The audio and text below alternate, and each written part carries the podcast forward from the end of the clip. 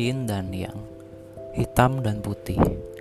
Dalam kehidupan kita sehari-hari, setiap kejadiannya pasti ada sisi positif dan negatif yang bisa kita petik atau kita pelajari. Podcast ini kami buat khusus untuk membahas sisi yin dan yang dari semua hal yang terjadi di kehidupan kita. Senang ataupun sedih, inilah kehidupan. Selamat mendengarkan, semoga menginspirasi. Oke guys, balik lagi ke podcast Indan ya bersama gue Yuda. Dan saya Nabila. Dan ini kita tidak terasa sudah mau episode 50 ya mas ya? Kita ini berapa sih? 47 ya? Bentar lagi akhir tahun juga nih berapa minggu lagi ya? Wah berarti berapa minggu lagi sih? Dua minggu lebih ya. Tiga lah, tiga minggu lagi. Tiga minggu lagi. Tiga minggu lagi. Nah ini kita di episode ke-47 ini Sebenarnya topik yang mau kita bahas mas Ini kalau nggak salah sih kita udah pernah bahas ya di season 1 tapi kayaknya hmm. yang mau kita bahas di sini nih kita mau lebih perdalam lagi nih. Nah mungkin mas coba uh, kamu yang baca aja deh. okay. Kita apa sih temanya minggu ini? Season 1 tuh dulu kita pernah membahas soft skill maupun hard skill yang dimiliki orang ya. Tapi kan untuk yes. yang sekarang kan, untuk yang harus kita kuasain apa. Mm-hmm. Cuman ini mau kita bahas lagi apa sih 10 skill yang dibutuhkan di masa depan. Wih, jadi kalau yang kita bahas di season 1 tuh di season 1 itu lebih kayak ke skill yang bagus tapi untuk kita saat ini kan untuk hmm. yang kita hmm. miliki untuk saat ini Tuh. nah yang mau kita bahas sekarang adalah soft skill atau hard skill apa yang bagus tapi buat masa depan gitu ya, kan dan ini penting sih menurutku aku udah baca nih artikel dari Vokasia ya yes Vokasia vokasia.id .id langsung aja nih yuk langsung Nah, ini yang pertama nih, ada soft skill yang dibahas. Ada lima soft skill sih. Okay. Yang pertama adalah leadership. Dan Aduh. itu kerasa banget sih, yuk. Orang yang iya. nggak yeah. punya skill leadership itu ya selamanya bakal ngikut orang kerjanya gitu loh. Tapi itu nah. terserah memang skillnya di situ atau memang kita mau dibutuhkan leadership ya itu nah. penting banget sih menurutku. Dan pas banget ya kayaknya kalau nggak salah kan beberapa episode lalu kan kita sempat bahas soal, soal leader ya kalau nggak salah kan mm -hmm. yang membandingkan bersama leader. Nah kalau boleh bahas sedikit mah memang tentang leadership itu kayaknya kalau aku sih tetap berpegang teguh ya sama aku sama apa yang aku sampaikan di beberapa episode lalu. Hmm. Menurutku leadership ini apakah penting apa enggak penting? Penting hmm. banget. Banget. Tapi masalahnya skill ini nggak semua orang punya dan ini menurutku nggak bisa dilatih. Iya. Kalau lo memang dari sonohnya nggak punya, ya lo mau dilatih kayak apa aja lo nggak akan bisa. Karena nggak semua, tidak mungkin semua orang ditakdirkan untuk menjadi leader Iya, tapi bisa kok dikembangin. Dikembangkan bisa. bisa. Kalau iya. dikembangkan berarti itu orang awalnya udah punya, tinggal Betul. dikembangkan. Tapi kalau yang dari sononya nggak punya, no iya. chance kalau menurut aku sih. Susah sih, bisa cuma susah, susah, susah banget. banget. Bener.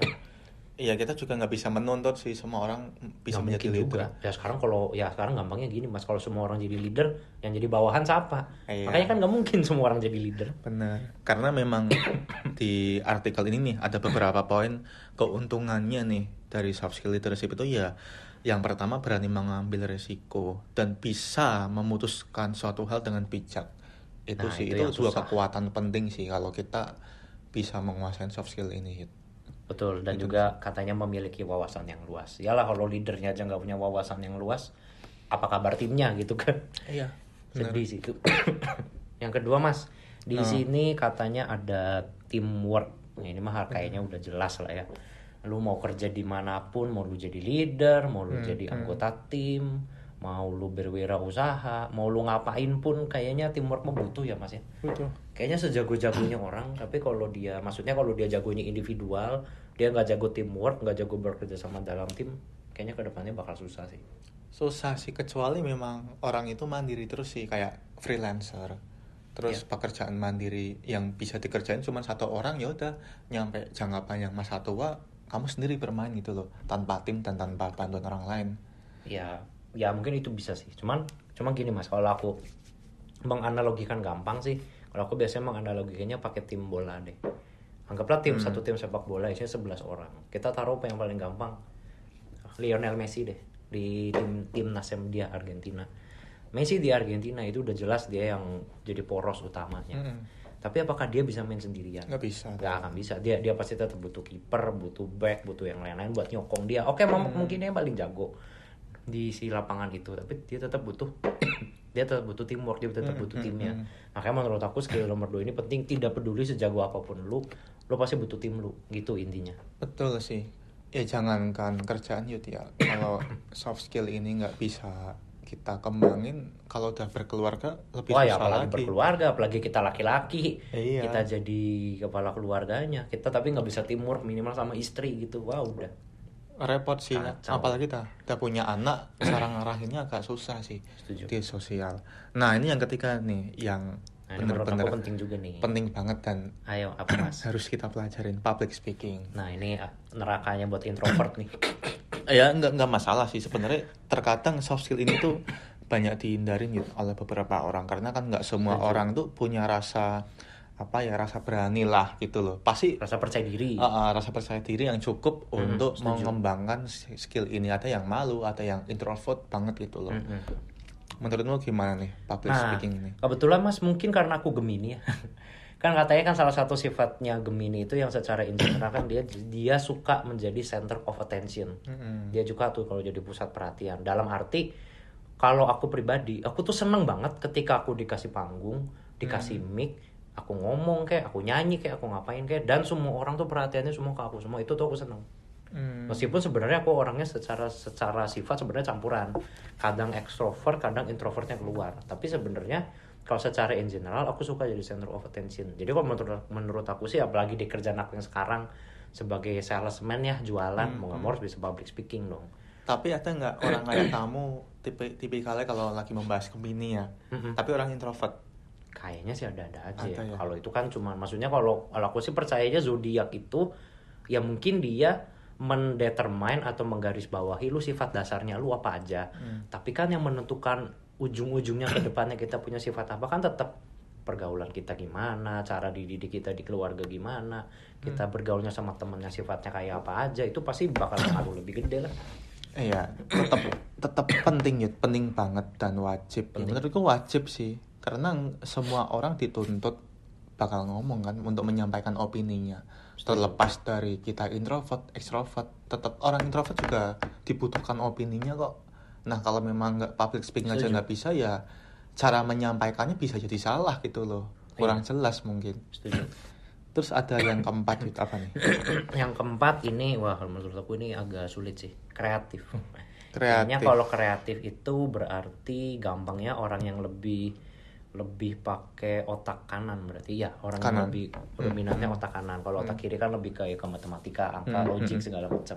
Nah kalau untuk orang kayak aku ini agak susah nih karena kayaknya kalau kita ngomongin kreatif itu kalau di bayangan aku tuh lebih kayak ke seni, lu Hmm. ngasih ide Hmm. baru apa segala macam. Wah, Menurut aku ini masih tak pelajarin sih jujur karena menurut menurut orang seperti aku ini nih susah tapi ya penting untuk ke depannya ini penting gitu. Tapi ini bisa dibentuk kreatif Bisa. tuh, selama yang bisa dilatih lah. kita pelajarin tuh.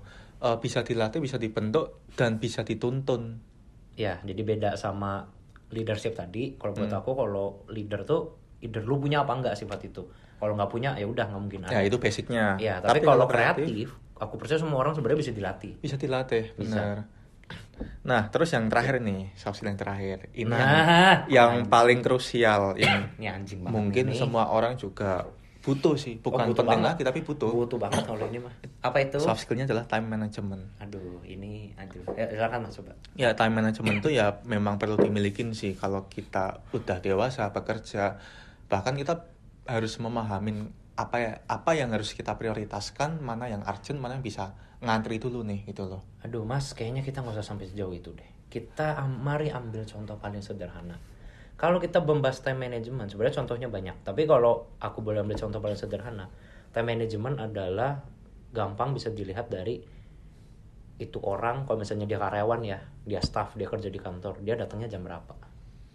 Itu aja udah bisa dilihat dia time managementnya bagus apa enggak Hmm. banyak loh coba lah sekarang kita nggak usah munafik banyak kan yang kita temuin selama kita berkarir di dunia kerja sudah bertahun-tahun ini Hmm. pasti banyak dong kita punya temen yang mungkin secara rumah atau tempat tinggalnya lebih dekat daripada rumahnya kita ke kantor Hmm. tapi dia datangnya selalu lebih ngaret dari kita bahkan udah di luar jam kerja apa segala macam berarti kan itu time managementnya kan dipertanyakan lu rumah deket ibaratnya kendaraan ada halangan apa pun gak ada segala macam tapi lu datang tetap telat. Lu nge-manage waktu lu gimana sih? Apakah karena mentang-mentang lu rumahnya deket terus lu jadi kayak ya udah rumah gue deket ya udah gue tidur setiap hari jam 2 jam 3 ya kan begitu lagi. Berarti kan kalau kayak gitu orang skill manajemennya skill manajemen waktunya kan kurang. Tapi ada ada kalanya gini sih suatu kasus ketika orang itu menganggap time management itu tuh udah membuat dia tuh nyaman dan PW dalam menjalani plan hidup nggak peduli sama perusahaan, sosial, keluarga maupun lingkungan. Yang penting kita udah nyaman kok dengan time management ini. Terlepas kalian mau bilang, kok kamu suka nalat sih? Kok kerjaan nggak gini kok di akhir-akhir sih sukanya loh itu yang suka mepet-mepet gitu iya, ya? suka mepet-mepet sih. Terus misalkan nih dalam menjalani ibadah, toh yang penting beribadah kan meskipun oh, mau iya, iya, telat paham, paham, paham. kadang beberapa orang menganggap itu masih nyaman dengan time management yang sudah mereka lakuin gitu Iya, jadi Nah. mereka sudah terbiasa dengan itu lah ya. dan menyamankan dirinya dan itu Hmm. efektif dan efisien menurut, Menurut versi mereka. mereka. Tapi kalau kita udah balik lagi ke konsep sosial ya, Iya. ah ya kita juga harus ngerti time management kita sebagai teamwork, sebagai leader, Hmm. sebagai kita berkeluarga dan bersosial. Hmm. Nggak semuanya time management tuh harus sesuai dengan ego kita sih. Oh iya iyalah. Apalagi kalau time manajemennya kita eh, ibarat kasarnya jelek masih bisa diperbaikin gitu. Hmm. Terus kita tidak memperbaiki, ujung-ujungnya yang, rugi orang lain. Nah itu Yang kan kita kita nggak bisa berdalih kayak tadi kamu bilang kayak, oh ya gue udah biasa begini kok, udah menurut gue ini oke oke aja. Ya, itu kan menurut lu. Nah, Buat orang lain di sekitar lu yang kena impactnya gimana? impactnya gimana? Itu kan. Pada ujungnya kan sok lima soft skill ini kan dibentuk agar kita lebih bisa bermanfaat Betul. kepada orang lain kan. Betul. Nah, sekarang kita loncat nih ke hard skill. Ada lima hard skill nih yang di sini di vokasi ya Hmm. mau dibahas. Yang pertama itu adalah artificial intelligence. Ya ini mas sudah tidak bisa di didebat lah ya. Ke depannya pasti kan yang namanya AI, software, aplikasi, apa pun itulah yang berbau komputer, berbau teknologi, ke depannya pasti berkembang terus. Makanya orang-orang yang punya skill ini, punya skill programming, itu pasti Mhm. ke depannya makin ke sana makin dibutuhkan. Kalau ini sih udah jelas. Menurut kamu gimana? Hmm, banyak. Kalau membahas yang poin ini banyak faktor yang harus dibahas Yud. Karena nggak Hmm. semua orang juga butuh ini Yud, menurutku. Oh gitu? Kenapa emang? kadang orang eh, banyak kok orang yang masih suka dengan pekerjaan konvensional Oh. dengan plan jangka panjang dan benefit yang stabil. Tapi dengan Oke. dengan adanya AI ini kan penghasilan bisa berlipat ganda. Terus pekerjaan kita juga makin bebannya nggak tinggi nih gitu loh, Betul. terbantukan gitu loh. Mungkin pembedaannya cuman itu sih menurutku ya. Tapi kayaknya harus ada yang diwaspadain juga sih sama AI atau kita berbicara tentang teknologi lah ya, robot lah ya. Mhm. Kan ada wacana juga atau ada beberapa eh, kalimat yang aku sering dengar di internet. Kan yang kita takutkan kan kalau makin ke depannya makin canggih, robot makin canggih, aplikasi makin canggih, teknologi makin canggih. Nanti tugas atau kerjaan yang tadinya bisa dilakuin sama orang nanti bisa diganti semua sama robot. Berarti kan menjadi jadi menghilangkan mata pencahariannya orang Nah itu sih. semua bisa diganti sama robot. Bahkan kan sekarang katanya di beberapa negara maju udah ada supermarket yang nggak ada kasirnya. Ya kita layanin diri kita sendiri. Nah itu kan hati-hati tuh. Bang. Hmm, iya Next mas, sih. yang kedua apa? Kedua hard skill maksudnya. Yang kedua tuh manajemen data nih. Yud. Manajemen data. Mm-mm. Ya ki- ini masih ada relat relasinya sih sama AI yang tadi karena kan ini Betul. salah satu di teknologi sistem informasi untuk aktivitas manajerial. Ya. Kadang dengan data dengan adanya hard skill ini ya kita menguasai uh, manajemen data tuh kita bisa dapatin data yang akurat. Ini lebih ke itu sih fungsinya optimalisasi dalam pengambilan keputusan bisnis. Ya, ya ini aku juga setuju sih karena yang namanya data manajemen ya. Semuanya kayaknya semua yang berkaitan sama ini manajemen penting lah buat ke depannya. Eh ya, Entah kita mau manage apa pun ya. Bener, karena kalau ada data, ya kekuatannya itu yang val- paling valid data sih, Yud, kalau kita mau mutusin sesuatu. Iya karena kalau kita ngambil datanya aja udah salah, ngolahnya salah, Hmm. nge-manage-nya salah, apalagi outputnya. Nah, apalagi kalau memang kita mau ngambil keputusan secara subjektif, itu kan persentase besar kesalahannya juga memungkinkan tinggi. Anjir mengambil keputusannya subjektif Nah, lagi. sekarang kalau Iya, iya, benar. kalau by data kan enak gitu loh. jadinya It- objektif. objektif dan kita tahu resikonya gitu loh. Iya, Nah, seharusnya apa- gitu ya. Bener kan? Terus ada lagi Iya. Yud, yang yang ketiga apa tuh? Eh, yang ketiga buat hard skill atau yang kedelapan berarti secara total itu adalah penggunaan komputer. Jadi nyambung lagi tuh sama yang tadi Mhm. sama si AI. Jadi memang kan ke depannya kan nggak bisa dipungkiri lah ya kalau teknologi mah komputer lama-lama makin canggih. Jadi memang skill orang yang bisa mengoperasikan komputer, mungkin bikin aplikasi, bikin software dan yang lain-lain itu pasti ke depannya makin dibutuhkan. Iya sih, kebanyakan orang masih belum paham sih sistem cara pengoperasian komputer, terutama baby boomers tuh, yang dikit-dikit Susah lah. Minta anak muda kan. ya orang tua aku aja mau ngetik word aja minta diajarinnya astaga sampai nak darah mas ngajarinnya ngajarin ngetik word doang ya tapi begitulah ya maksudnya ke depannya pasti skill komputer tuh pasti dibutuhkan Hmm, wajib next sih. mas yang keempat hard skill apa? Nah, ini menurutku yang paling penting sih. Apa Re- itu? Reset, hard skill reset. Reset. Dan itu selama ini yang aku alamin yang membedakan nih Yud, orang yang males ngeriset dalam Oke. mengambil keputusan atau mau membuat plan sama orang yang mau dan tertarik dengan riset itu hasil hasilnya itu beda banget Yud. pastilah Kadang kalau orang yang males riset tuh dia hanya berpacu pada pengalaman orang lain.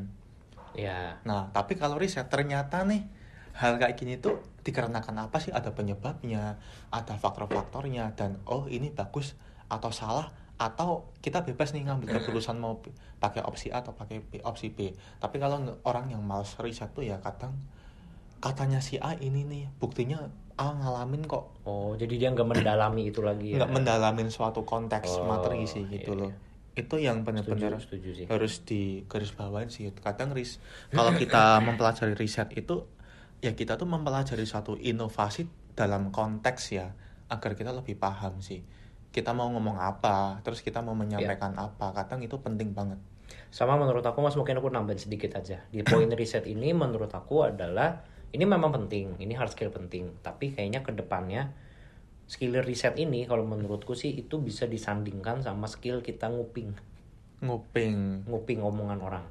Aku nih gini-gini skill ngupingnya jago loh mas kalau mau uh, ini percaya nggak percaya. terus Mungkin aku kalau di ruangan terkesannya kayak pakai headset terus Mhm. kerja sambil mungkin dengerin musik, dengerin podcast dan Mhm. yang lain-lain. Kelihatannya kayak sibuk sama duniaku, sibuk sama komputerku sendiri. Tapi percaya nggak percaya, sebenarnya kupingku meskipun pakai headset, tapi itu sebenarnya sambil ngedengerin yang lain. Jadi teman-teman di di ruanganku atau mungkin teman-teman yang lain yang kalau ngobrol suaranya kenceng, itu tuh aku kedengeran kalian tuh ngomongin apa aja, meskipun aku pakai headset. oke Jadi skill ngupingku tuh sekarang sudah terlatih lah dengan bertahun-tahun pengalaman kerja. Dan dari ngupingnya aku ini dapat informasi A B C D E misalnya. Nah, itu digabung sama skill riset ini. Oke. Dicari lebih dalam lagi.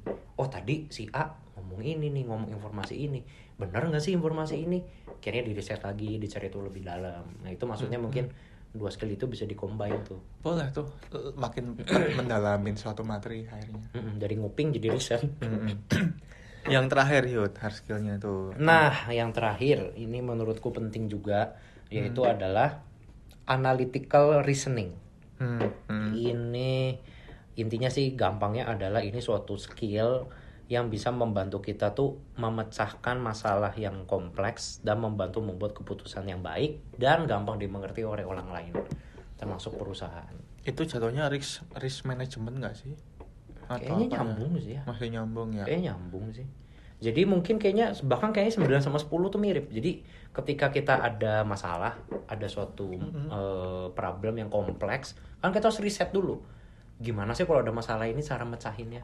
Akhirnya kita riset berdasarkan data dan fakta, mungkin yang ada di internet, mungkin berdasarkan pengalaman orang dan yang lain-lain. Dari hasil risetnya akhirnya kita rumuskan, oh kalau ada masalah ini, ada problem ini, lu jalan keluarnya ini loh.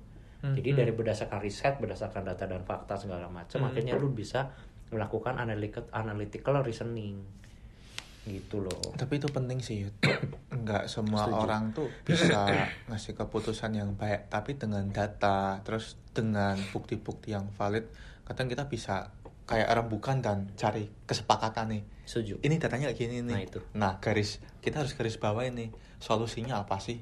Biar nextnya itu perusahaan masih tetap aman gitu loh tim juga masih bisa kerja optimal caranya gimana Setuju. nggak asal kerja tok itu memang hard skills Yud menurutku Yud Setuju. Dan menurutku yang harus digaris bawahin ya di poin analy- analytical reasoning adalah ketika buat keputusan, ketika buat outcome itu harus gampang dipahami oleh orang lain maupun oleh perusahaan. Nah, menurut aku ini penting karena jujur ya dari pengalaman gue kerja selama ini kadang keputusan-keputusan yang dibuat oleh orang lain mau itu timku mau itu atasanku dan segala macam kadang buat aku itu sulit diterima akal sehat.